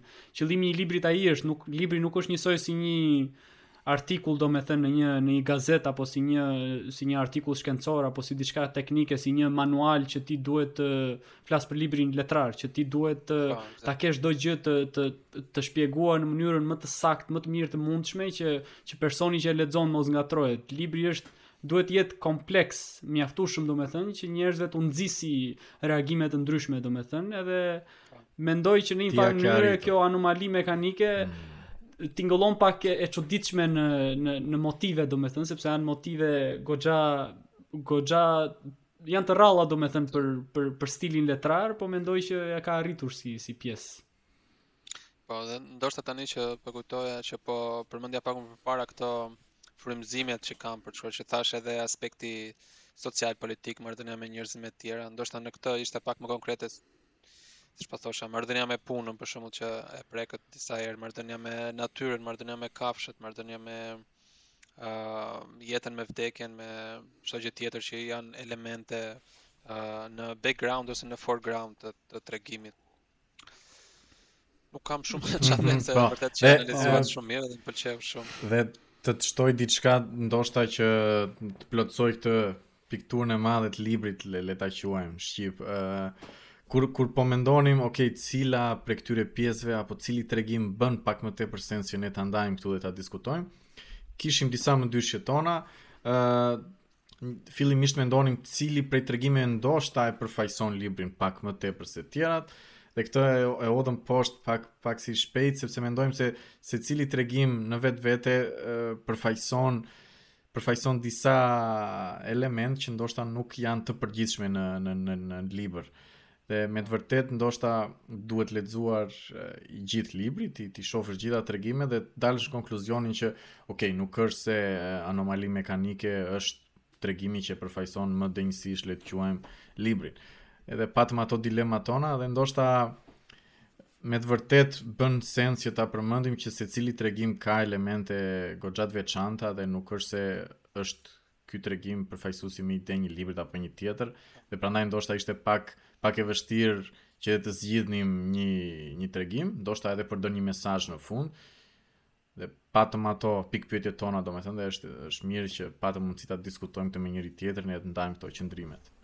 Mendoj që Dionis më fal, mendoj që domethënë dhe mesazhi nga nga ky tregim që anomalia mekanike domethënë që nuk, nuk ka edhe li, nuk ka nevojë për një përfaqësim mbi të gjitha domethënë libri. Kupton? Kjo tregon për për varietetin që ekziston në libër, edhe çdo tregim ka diçka për të thënë. Por mbi të gjitha siç e përmendi dhe Dionisi përpara, domethënë, nuk është nevoja të marrim patjetër atë që ka dashur të thotë autori. Nëse ti si lexues, ne si lexues, marrim një diçka, kupton?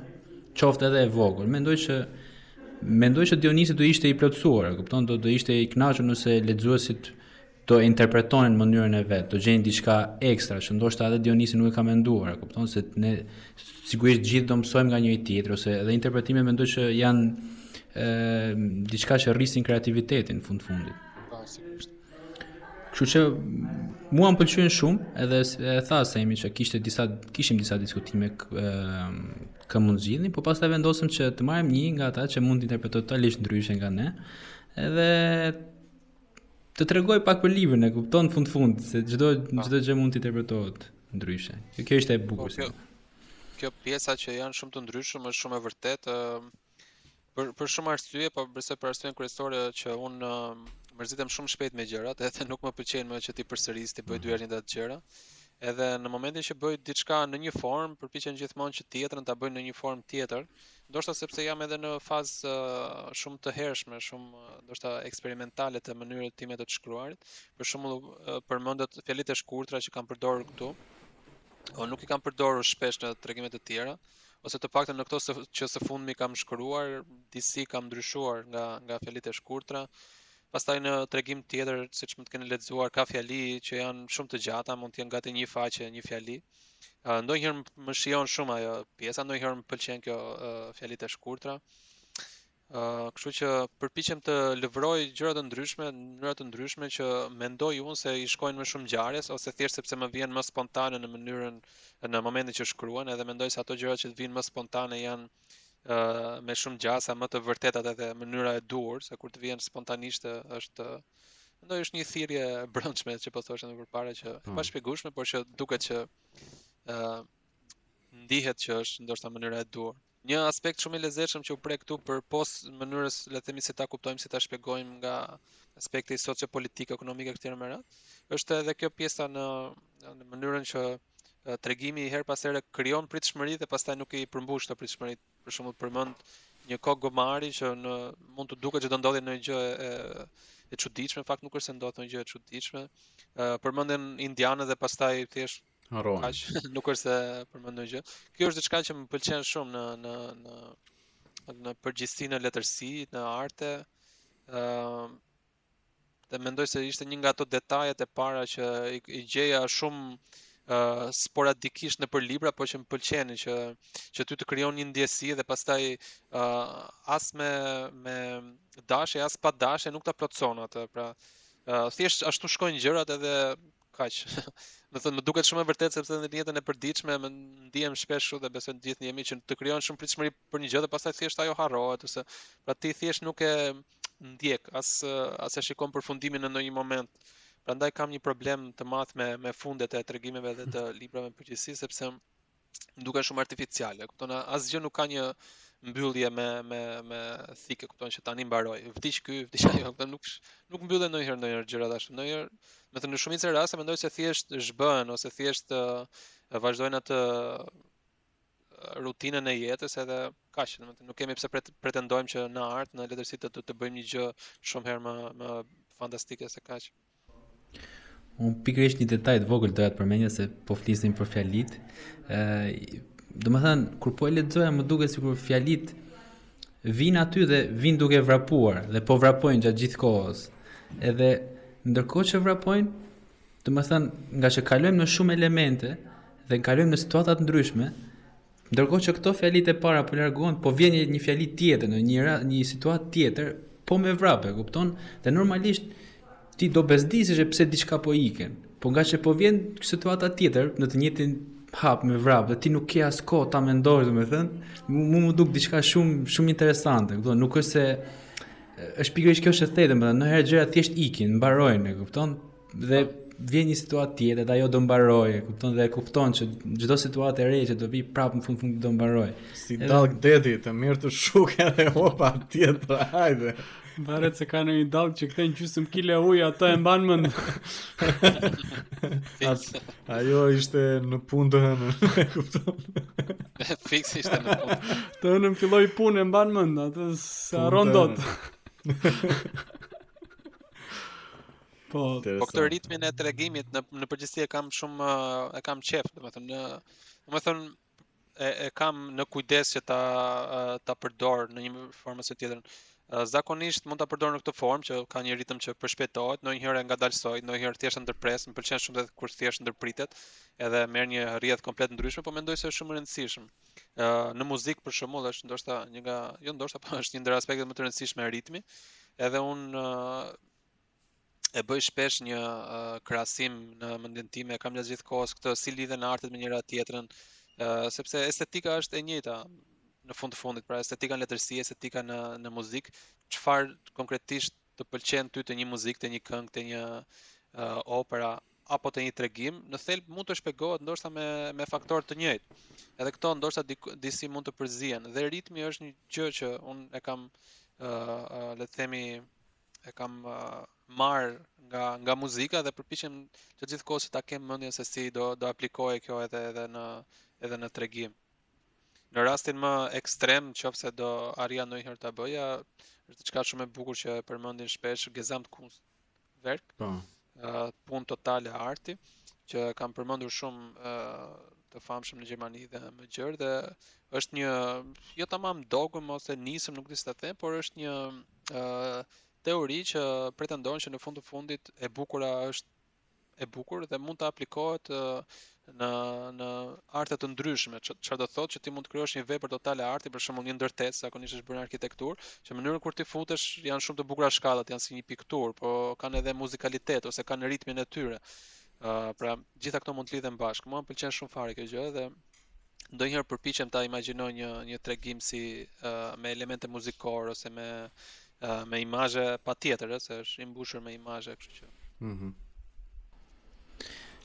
Dionis, meqë përmende domethënë ehm, krahasimin me artet tjera, mendoj që edhe pse unë mendoj që ne folëm ose në, në, në shpjegimet ose në përshkrimet e tua ti um, është shumë e qartë ndryshimi me, me stilet e tjera në letërsi, Ehm, ne vërejmë të paktën nga ajo që lexuam nga Migjeni edhe nga jotja. Vërejmë se sa sa ndryshe janë. Edhe ehm, me do doja të flisnim pak për për stilet e, në letërsi, nëse mund t'i quajmë stile, kupton.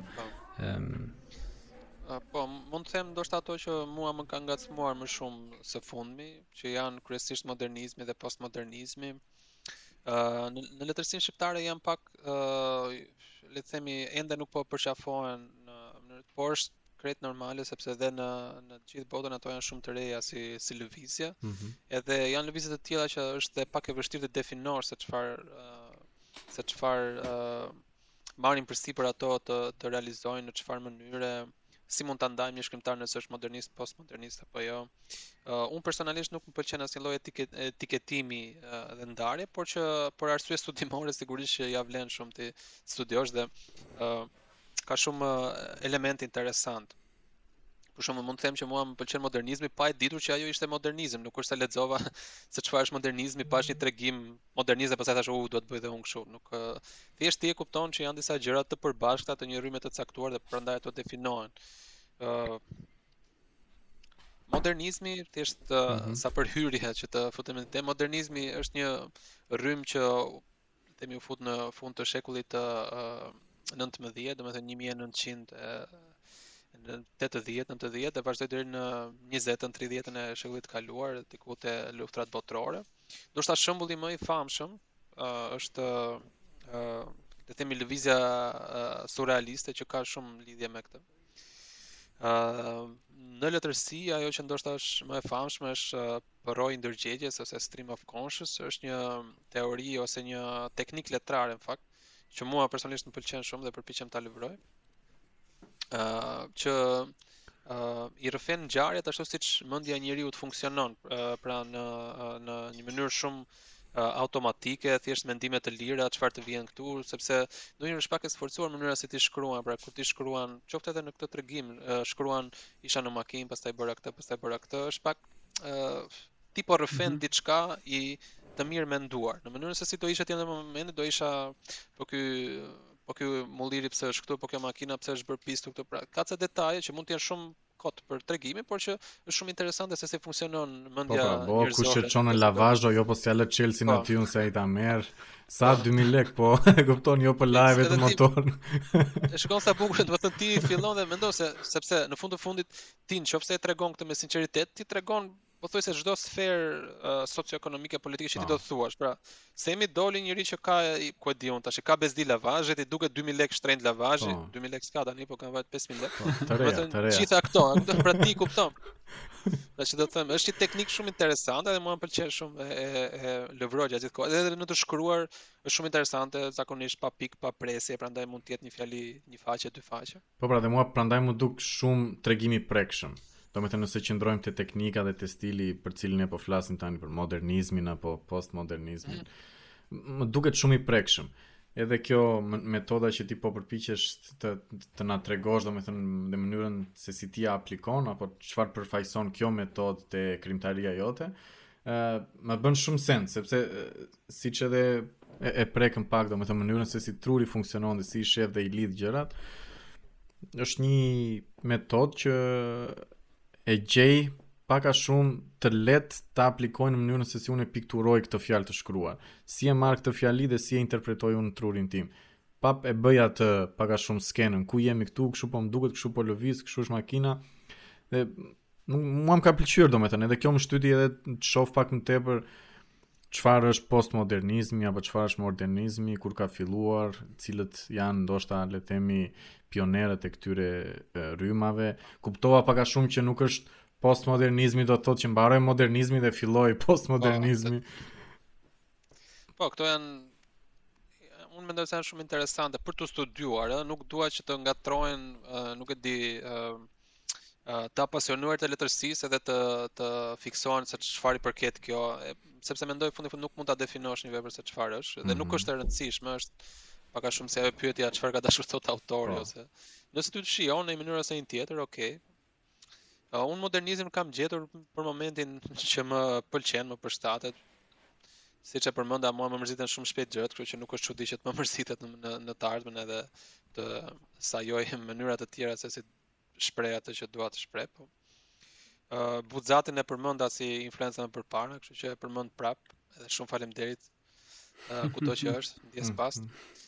E kam shumë qejf edhe ai më më ka vepra në shqip, më fal, ka vepra në shqip. Po, i ka të gjitha veprat në shqip dhe është uh, është goxha i lexuar mund të them. Unë bëj maksimumin që ta përhap. U shit libri i Buzatit. Dino, Dino Buzati apo jo?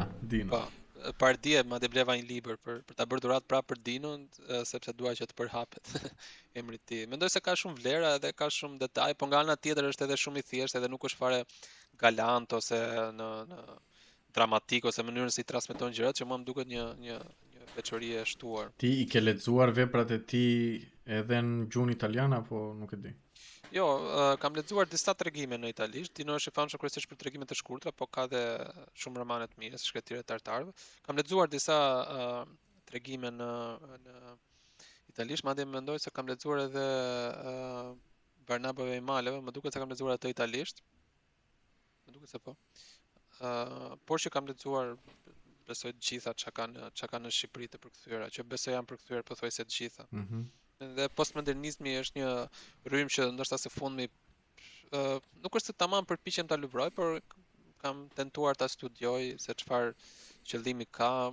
Ëh. Uh, është është më shumë si lojë në fakt se sa si si ë uh, paradigmë, përpiqet gjatë gjithë kohës të ironizojë uh, mënyrat konvencionale të të bërit uh, letërsi, uh, luan shumë me intertekstin, domethënë fut aty elemente, jo vetëm uh, të letërsisë, po të shumë gjërave të tjera, mm -hmm. uh, luan me mënyrën si i ndërton fjalitë, si i ndërton gjërat, si i sjell personazhet, si...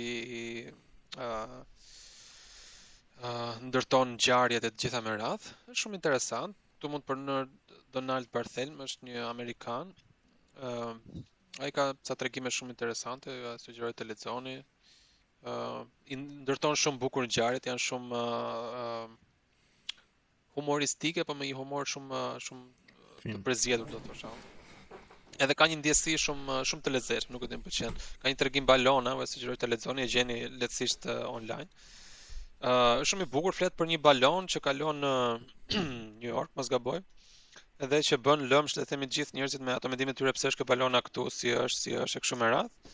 por që në fund të fundit fut një fut një fund shumë le të themi uh, ndryshe, shumë deri diku sentimental. Edhe kur kam lexuar këtë kam qarë pa e kuptuar pse qava se lexova gjysmë ore për një balon në New York, e kupton, dhe pastaj thjesht në fund merr një ndryshim krejt ndryshe, ndoshta një diçka romantike, po që s'ka lidhje me balonën. Unë në fakt dëgjova një intervistë të autorit Donald Baltherm. Ëm edhe e pashë ishte përmend, domethënë kishte disa review të kësaj balonës.